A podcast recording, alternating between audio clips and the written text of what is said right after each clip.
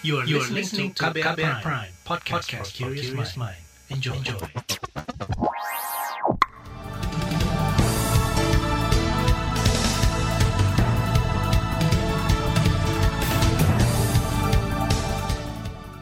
Selamat pagi saudara, senang sekali bisa menjumpai Anda kembali melalui program Buletin Pagi edisi Rabu 13 Oktober 2021 bersama saya Malika.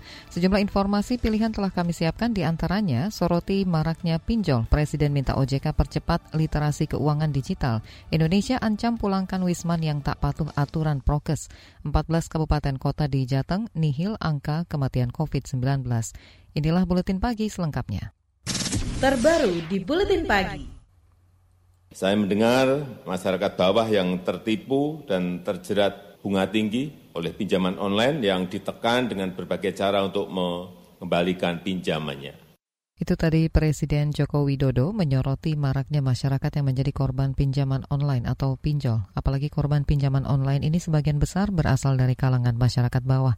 Presiden lantas memerintahkan otoritas jasa keuangan OJK mempercepat literasi keuangan dan membangun ekosistem keuangan digital hingga ke pelosok pedesaan guna mencegah kerugian dan meningkatkan perlindungan kepada masyarakat. Baru-baru ini saudara fenomena pinjol kembali mencuat usai seorang ibu rumah tangga di Wonogiri, Jawa Tengah diduga bunuh diri lantaran terjerat pinjaman online. Salah seorang korban pinjaman online, Irene Meriska, mengatakan keberadaan pinjol ilegal meresahkan. Karyawan swasta di Jakarta ini mengaku kerap mendapat intimidasi dari penagih utang. Ia juga mendapat ancaman berupa penyebaran data pribadi miliknya ngomel-ngomel, mengancam akan menyebarkan data kita, identitas kita, karena kan mereka kan pegang foto KTP, megang semua kontak kita itu kan semua kan mereka copy paste ke database mereka. Jadi kalau misalnya kita pun tidak menjawab panggilan mereka, mereka akan menagihnya ke orang-orang yang ada di kontak kita. Korban pinjaman online Iren Meriska berharap lembaga-lembaga keuangan lebih ketat mengawasi keberadaan pinjaman daring terutama terkait keamanan data pribadi. Sementara Otoritas Jasa Keuangan OJK menjamin akan terus mengawal ekosistem keuangan digital di tengah maraknya platform fintech. Hal itu disampaikan Wakil Ketua Dewan Komisioner OJK Nur Haida menanggapi maraknya pinjaman online ilegal. Dalam pidato pembukaan oleh Bapak Presiden kemarin sangat diharapkan bahwa fintech atau inovasi keuangan keuangan digital ini bisa menjadi penggerak ya di dalam percepatan pemulihan ekonomi dan juga untuk menuju Indonesia dengan tujuh ekonomi terbesar di tahun 2030. Tentu hal ini sebagaimana dipesankan oleh Bapak Presiden bahwa hal ini perlu dilakukan dengan mengawal sebaik-baiknya perkembangan ekosistem dari fintech ini. Wakil Ketua Dewan Komisioner OJK Nur Haida mengakui pandemi COVID-19 turut mendorong tumbuhnya digitalisasi keuangan. OJK kata dia telah mengeluarkan aturan untuk menjaga ekosistem keuangan digital, salah satunya mengharuskan adanya perlindungan data konsumen. Berdasarkan data OJK hingga awal Oktober lalu terdapat sebanyak 106 platform fintech resmi yang berizin dan terdaftar. Dari jumlah itu 98 fintech telah mendapat izin dan 8 lainnya terdaftar di OJK. Pemerintah juga telah memblokir 3 1.300-an entitas fintech ilegal hingga Juli 2021. Asosiasi Fintech Pendanaan Bersama Indonesia AFPI mengklaim terus memberikan literasi kepada masyarakat agar terhindar dari pinjaman atau pinjol yang tidak terdaftar di Otoritas Jasa Keuangan. Menurut Sekretaris Jenderal AFPI Sunu Widiatmoko, edukasi dilakukan melalui kanal-kanal media sosial agar masyarakat tidak mudah tergiur tawaran pinjol ilegal kanal-kanal uh, sosial media, uh, AFPI dan juga uh, seluruh kanal media yang dimiliki oleh anggota AFPI untuk selalu melakukan edukasi kepada masyarakat untuk menghindari pinjaman online yang tidak terdaftar di OJK. Itu merupakan uh, tugas kami supaya jangan sampai masyarakat itu uh, terperosok, terjebak kepada uh, pinjaman online yang ilegal. Sekjen AFPI Sunu Widiatmoko memastikan fintech yang terdaftar, terdaftar sebagai anggota AFPI menjalankan jasa mereka dengan aturan dan kode etik yang ketat. Ia juga meminta masyarakat berhati-hati saat akan melakukan pinjaman daring dan menggunakan fintech melalui website AFPI. Kata dia banyak jasa pinjol ilegal yang menyamarkan nama menyerupai fintech yang sudah terdaftar di OJK. Sebagai rujukan masyarakat dapat mengakses website AFPI untuk melihat daftar 107 anggota AFPI agar tidak terjebak fintech ilegal. Yayasan Perlindungan Konsumen Indonesia YLKI mendesak pemerintah memasifkan literasi keuangan digital dan penindakan hukum terhadap platform pinjaman online yang bermasalah. Ketua Harian YLKI Tulus Abadi menyebut rendahnya literasi digital menjadi penyebab banyaknya masyarakat yang menjadi korban pinjol. Ia juga menuding pemerintah masif membuka keran ekonomi digital tanpa memperhitungkan aspek literasi masyarakat. Yang paling praktis ya penegakan hukum secara masif oleh kepolisian dan juga oleh Kominfo dan Satgas Investasi. Satgas Investasi atau Satgas Pengawasan Investasi ini kan terdiri dari berbagai kelembagaan, termasuk OJK ada di dalamnya. Kalau mereka berpromosi secara masif, ya mereka harus melakukan tindakan hukum, ya juga secara masif. Jangan promosi mereka masif, tapi tindakan hukum yang dilakukan masih kecil sekali efektivitasnya. Ketua Harian YLKI Tulus Abadi juga mendorong OJK memberikan advokasi terhadap masyarakat yang menjadi korban pinjol. Ini perlu dilakukan lantaran dalam tiga tahun terakhir, pengaduan yang masuk ke YLKI didominasi oleh masalah pinjol baik ilegal maupun yang terdaftar di OJK. Adapun masalah yang kerap diadukan masyarakat terkait pinjol, di antaranya penyalahgunaan data pribadi, teror dengan menggunakan juru tagih atau debt collector, hingga pengenaan bunga yang sangat tinggi. Indonesia masuk tujuh negara dengan cadangan tembaga terbesar di Indonesia, di dunia. Informasi selengkapnya hadir sesaat lagi, tetaplah di Buletin Pagi KBR. You're listening to KBR Pride, podcast for curious mind. Enjoy!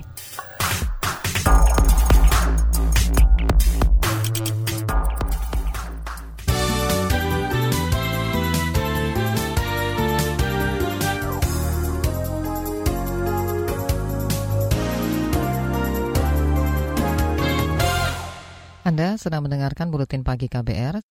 Presiden Joko Widodo menyatakan pembangunan smelter atau pabrik pemurnian di Indonesia dapat menciptakan nilai tambah dari cadangan tembaga yang dimiliki Indonesia. Saat meletakkan batu pertama pembangunan smelter PT Freeport Indonesia di Gresik, Jawa Timur kemarin, Jokowi mengatakan Indonesia memiliki cadangan tembaga yang cukup besar, bahkan masuk tujuh negara yang memiliki cadangan tembaga terbesar di dunia.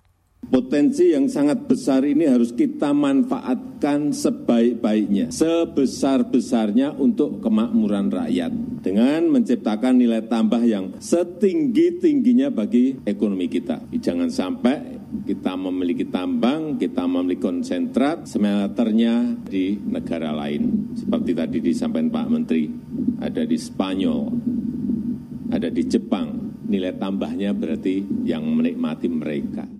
Presiden Jokowi juga mendorong seluruh perusahaan tambang di Indonesia memperkuat hilirisasi industri agar komoditas dalam negeri memiliki nilai yang lebih tinggi. Sementara Menteri BUMN Erick Thohir mengatakan nilai investasi smelter PT Freeport Indonesia di Gresik ini mencapai 42 triliun rupiah. Nantinya kata dia smelter PT Freeport Indonesia dapat memproduksi 35 ton emas per tahun. Pemerintah Indonesia bakal memulangkan wisatawan asing ke negara asalnya jika tidak memenuhi syarat dan tidak mematuhi aturan terkait protokol kesehatan di negeri itu. Menurut juru bicara Satgas Penanganan COVID-19 Wiku Adhisa Smito, aturan pembukaan pariwisata bagi wisatawan asing ini akan dituangkan dalam surat edaran Satgas. Penerapan kebijakan akan dilakukan secara bertahap sebagai antisipasi potensi kenaikan kasus.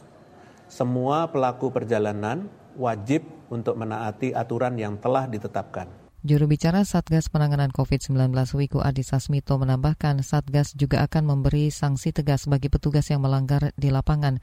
Mulai besok pemerintah membuka pintu masuk bagi wisman dari Cina, Korea Selatan, Jepang, Uni Emirat Arab, Arab Saudi, dan Selandia Baru ke Bali, Batam, dan Bintan. Beralih ke informasi lainnya, Kepala Kantor Staf Presiden KSP Muldoko membantah telah berburu rente atau mencari keuntungan dalam peredaran ivermectin. Bantahan itu disampaikan kuasa hukumnya Oto Hasibuan usai Muldoko diperiksa sebagai saksi pelapor di Bares Krim Polri kemarin. Dalam pemeriksaan itu Muldoko dicecar 20 pertanyaan. Fokusnya itu adalah untuk membuktikan bahwa betul-betul ada peristiwa tindak pidana, dugaan pencemaran nama baik dan fitnah. Ada dua hal yang kita jelaskan dan buktikan di sana. Pertama, tuduhan yang di, yang disampaikan kepada Pak Muldoko sebagai telah melakukan perburuan rente, artinya berburu rente itu kan mencari untung ya, itu tidak benar. Kuasa hukum Muldoko Oto Hasibuan menambahkan kliennya juga membantah terlibat di permainan ekspor beras. Kata dia Muldoko belum ada rencana berdamai dengan peneliti LSM pemantau korupsi ICW Egi Primayoga dan Miftahul Huda. Sebelumnya Muldoko melaporkan Egi dan Miftahul Huda atas dugaan pencemaran nama baik. Laporan dibuat terkait tudingan ICW soal berburu rente dalam peredaran obat ivermectin dan permainan ekspor beras. Sebelum melapor ke polisi, Muldoko telah melayangkan somasi terhadap dua peneliti ICW itu. Kementerian Dalam Negeri telah menyerahkan surat keputusan Presiden ke Pres kepada tim panitia seleksi, Komisi Pemilihan Umum, dan Badan Pengawas Pemilu.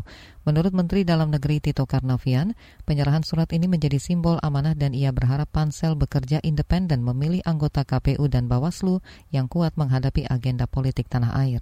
Ya kita hanya menyampaikan beberapa masukan dan saran kepada tim dari Kemendagri tentunya tidak campur mengintervensi kerja ini karena kerja yang independen dan kemudian hanya harapan kita eh, siapa pun yang dipilih nanti anggota KPU Bawaslu periode 2022-2027 adalah sosok-sosok yang selain sehat jasmani rohani karena beban kerja di tahun 2023-2024 tahun politik. Menteri Dalam Negeri Tito Karnavian menambahkan nantinya calon anggota KPU dan Bawaslu akan dihadapkan kepada agenda politik di 2023 hingga 2024. Di dua tahun itu akan ada jadwal agenda kampanye, pemilihan presiden dan wakil presiden, DPD, DPR, dan kepala daerah. Dalam Kepres itu, Presiden Jokowi menunjuk Deputi 4 KSP Yuri Ardiantoro sebagai ketua sekaligus anggota tim seleksi KPU dan Bawaslu. Tim seleksi nantinya 11 orang dari berbagai kalangan. Kita ke informasi Pekan Olahraga Nasional di Papua. Pakar epidemiolog dari Universitas Erlangga Surabaya, Laura Nafika Yamani, mendorong pemerintah daerah menyediakan lokasi isolasi terpusat atau isoter kepada kontingennya pasca berlaga di PON ke-20 di Papua. Karantina terpusat dinilai akan lebih efektif ketimbang karantina mandiri di rumah. Kata dia ini perlu dilakukan menyusul temuan 83 kasus COVID-19 selama perhelatan pesta olahraga se-Indonesia itu ya harusnya difasilitasi untuk melakukan karantina yang secara tersentral, terpusat. Jadi setiap daerah itu kan saya kira juga sudah punya ya tempat-tempat hmm. uh, isolasi uh, secara terpusat ya. Uh, ini lebih bisa uh, terkontrol ya. Hmm. Karena situasinya sekarang ini kan mungkin sudah kasusnya menurun ya. Jadi tidak banyak orang yang melakukan isolasi mandiri. Nah, yang dikhawatirkan ya mereka tidak konsisten untuk melakukan isolasi mandiri. Epidemiolog dari Unair Surabaya, Laura Nafika menambahkan penularan COVID-19 klaster PON berpotensi terjadi di daerah asal jika penanganan dan pengawasan kontingen semasa karantina tidak berjalan. Sementara itu Jawa Barat, saudara semakin kokoh di puncak klasemen medali PON ke-20 Papua dengan total 289 medali hingga malam tadi dengan rincian 106 emas, 87 perak, dan 96 perunggu. Perolehan emas itu menjadikan Jabar sebagai kontingen pertama yang mencapai 100 emas di PON Papua. Jawa Timur konsisten di posisi kedua dengan torehan total 244 medali, menyusul DKI Jakarta dengan 247 medali. Sementara itu Papua selaku tim tuan rumah juga masih konsisten di empat besar dengan perolehan 205 medali. Klasemen medali masih bisa berubah mengingat pesta olahraga multi cabang nasional itu baru akan berakhir pada Jumat mendatang.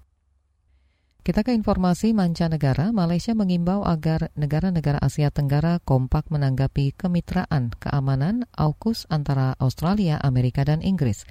Menteri Pertahanan Malaysia Hishamuddin Hussein dikutip dari Reuters mengatakan Malaysia akan menyikapi proyek AUKUS pada pertemuan dengan perwakilan ASEAN bulan depan. Menurutnya, pemahaman negara-negara ASEAN terkait kemitraan AUKUS ini akan membantu ASEAN menghadapi dua kekuatan besar, yaitu Amerika dan China. Sebelumnya, salah satu proyek AUKUS adalah rencana pembuatan kapal selam tenaga nuklir di Australia, dibantu Inggris dan Amerika. Kelompok pakar vaksin di Organisasi Kesehatan Dunia WHO merekomendasikan booster untuk warga dunia dengan masalah imun dan lanjut usia yang telah disuntik dua, doksin, dua dosis vaksin Sinovac dan Sinopharm. Dikutip dari IFP, kelompok pakar vaksin mengatakan suntikan ketiga harus diberikan kepada orang berusia 60 tahun ke atas.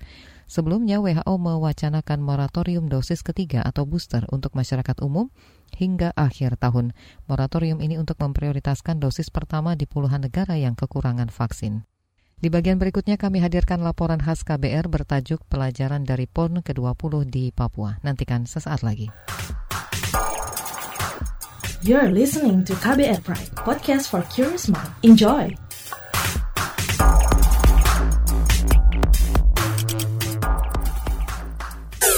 Commercial break.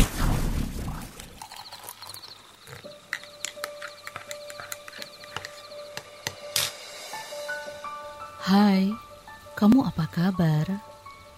Masih suka menikmati senja dan kopi? Aku masih ingat kebiasaan kita. Sehabis pulang kerja, selalu mencari tempat untuk sekedar ngobrol dan ngopi.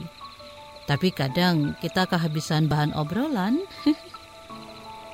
Aku masih melakukan hal yang sama sampai sekarang tanpa harus takut habis bahan buat ngobrol karena aku selalu mendengarkan KBR sore dari Senin sampai Jumat jam 4 sore. Ah, aku rindu. KBR Inspiratif Terpercaya.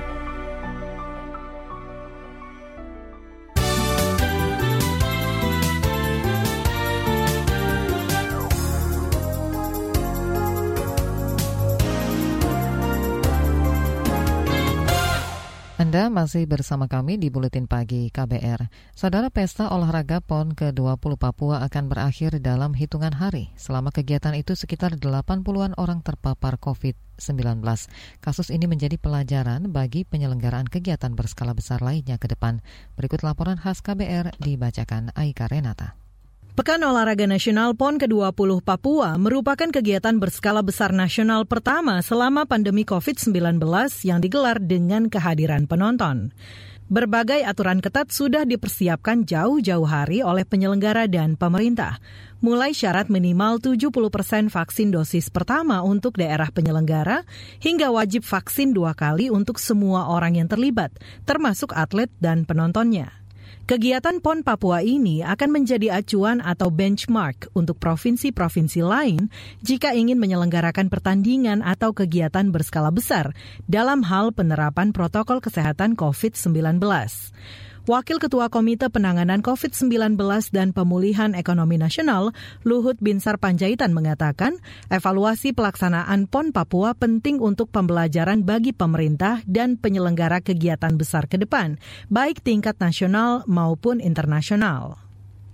Namun dalam pelaksanaan PON yang masih berlangsung ini, tidak terjadi lonjakan kasus yang cukup signifikan selama acara digelar pelaksanaan PON ini akan menjadi pembelajaran untuk pelaksanaan event-event besar lainnya.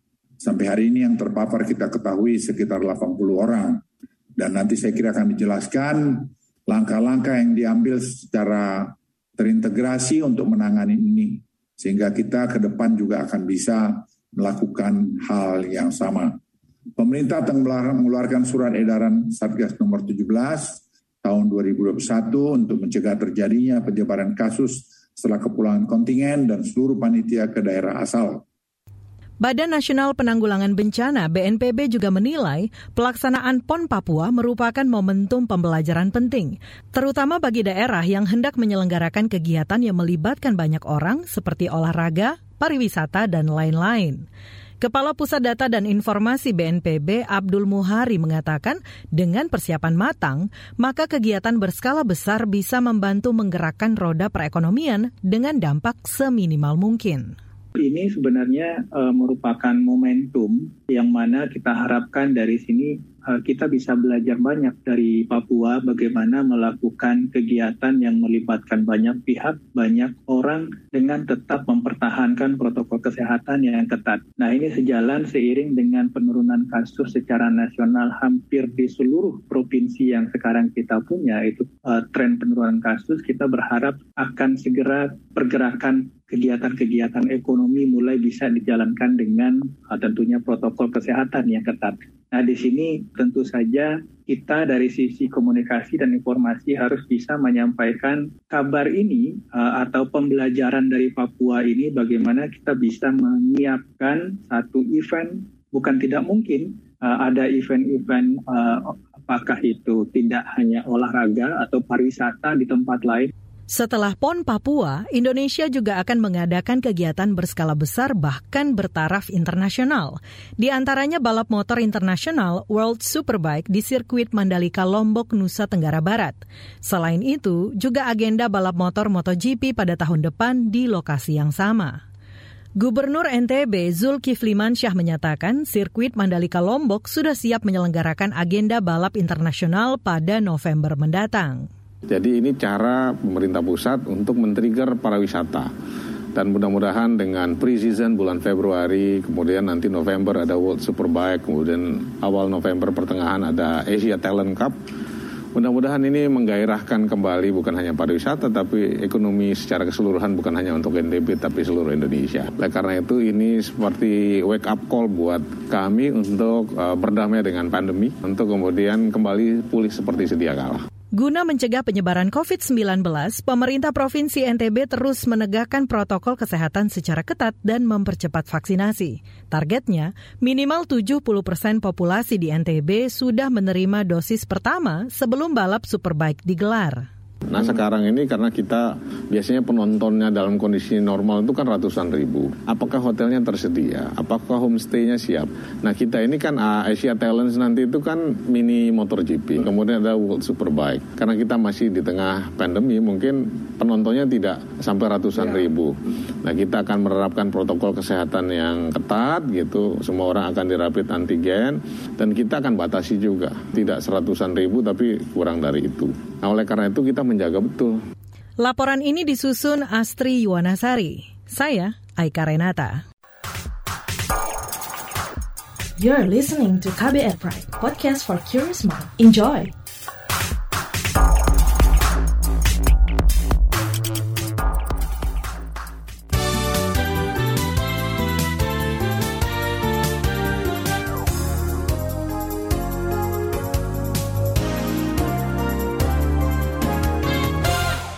Inilah bagian akhir buletin pagi KBR. Pemerintah Provinsi Jawa Tengah mengklaim tidak menemukan kasus kematian akibat COVID-19 di awal bulan ini. Kepala Dinas Kesehatan Jawa Tengah Yulianto Prabowo menyebut terdapat 14 kabupaten kota yang bebas angka kematian COVID-19 sejak 4 hingga 10 Oktober kemarin. Jadi minggu ke-40 itu tanggal 4 sampai 10 Oktober. Ini yang selama seminggu itu tidak ada kematian. Ini catatan kami itu ada Batang, Blora, Boyolali, Grobogan, Jepara, Karanganyar, Kendal, Kota Magelang, Kota Pekalongan, Kota Salatiga, Kota Tegal, Kudus, Pekalongan, Temanggung. Ini, ini dalam seminggu tidak ada kasus kematian. Kepala Dinas Kesehatan Jateng Yulianto Prabowo menjelaskan nihilnya angka kematian COVID di provinsi itu seiring menurunnya angka penularan virus corona. Faktor lainnya, kata dia, adalah tingginya cakupan vaksinasi. Lembaga Bantuan Hukum LBH Makassar akan fokus pada keamanan sekaligus psikologi korban dugaan pemerkosaan di Luwu Timur dan ibunya. Menurut Wakil Direktur Bidang Internal LBH Makassar Abdul Aziz Dumpa, seperti dilansir Tempo.co, kedatangan polisi berseragam ke rumah korban dua hari yang lalu melanggar sistem peradilan anak. LBH Makassar melihat aparat mengabaikan hak anak bahkan kerahasiaan mereka sebagai korban kekerasan seksual juga tidak dijaga. LBH Makassar mendesak Polri membentuk tim gabungan karena Polres Luwu Timur dianggap telah melakukan kesalahan dalam prosedur penanganan dugaan pemerkosaan terhadap anak. Universitas Jember di Jawa Timur mulai menggelar pembelajaran tatap muka PTM terbatas mulai Senin kemarin. Menurut Wakil Rektor 1 Bidang Akademik Kemahasiswaan dan Alumni Universitas Jember, Selamin, pertimbangan lain menggelar PTM terbatas ini juga melihat kondisi penyebaran dan penanganan COVID-19 yang mulai membaik. Kita juga sudah mulai membuat edaran rektor gitu terkait dengan uh, pembelajaran tatap muka tersebut dan di situ juga sudah memberikan pedoman mulai dari persiapannya, nanti pelaksanaannya, termasuk nanti antisipasinya kalau misalnya terjadi sesuatu yang tidak kita harapkan gitu. Namun beberapa fakultas saat ini masih menyelenggarakan ujian tengah semester. Wakil Rektor 1 Bidang Akademi Kemahasiswaan dan Alumni Universitas Jember, Slamin, mengatakan praktek perkuliahan tatap muka terbatas, setiap kelas hanya boleh diisi 50 persen dari total kapasitas dengan waktu maksimal 60 menit. Informasi tadi menutup jumpa kita di Buletin Pagi hari ini. Pantau juga informasi terbaru melalui kabar baru, situs kbr.id, Twitter kami di akun @beritaKBR, serta podcast di kbrprime.id. Saya Malika bersama tim yang bertugas undur diri. Salam.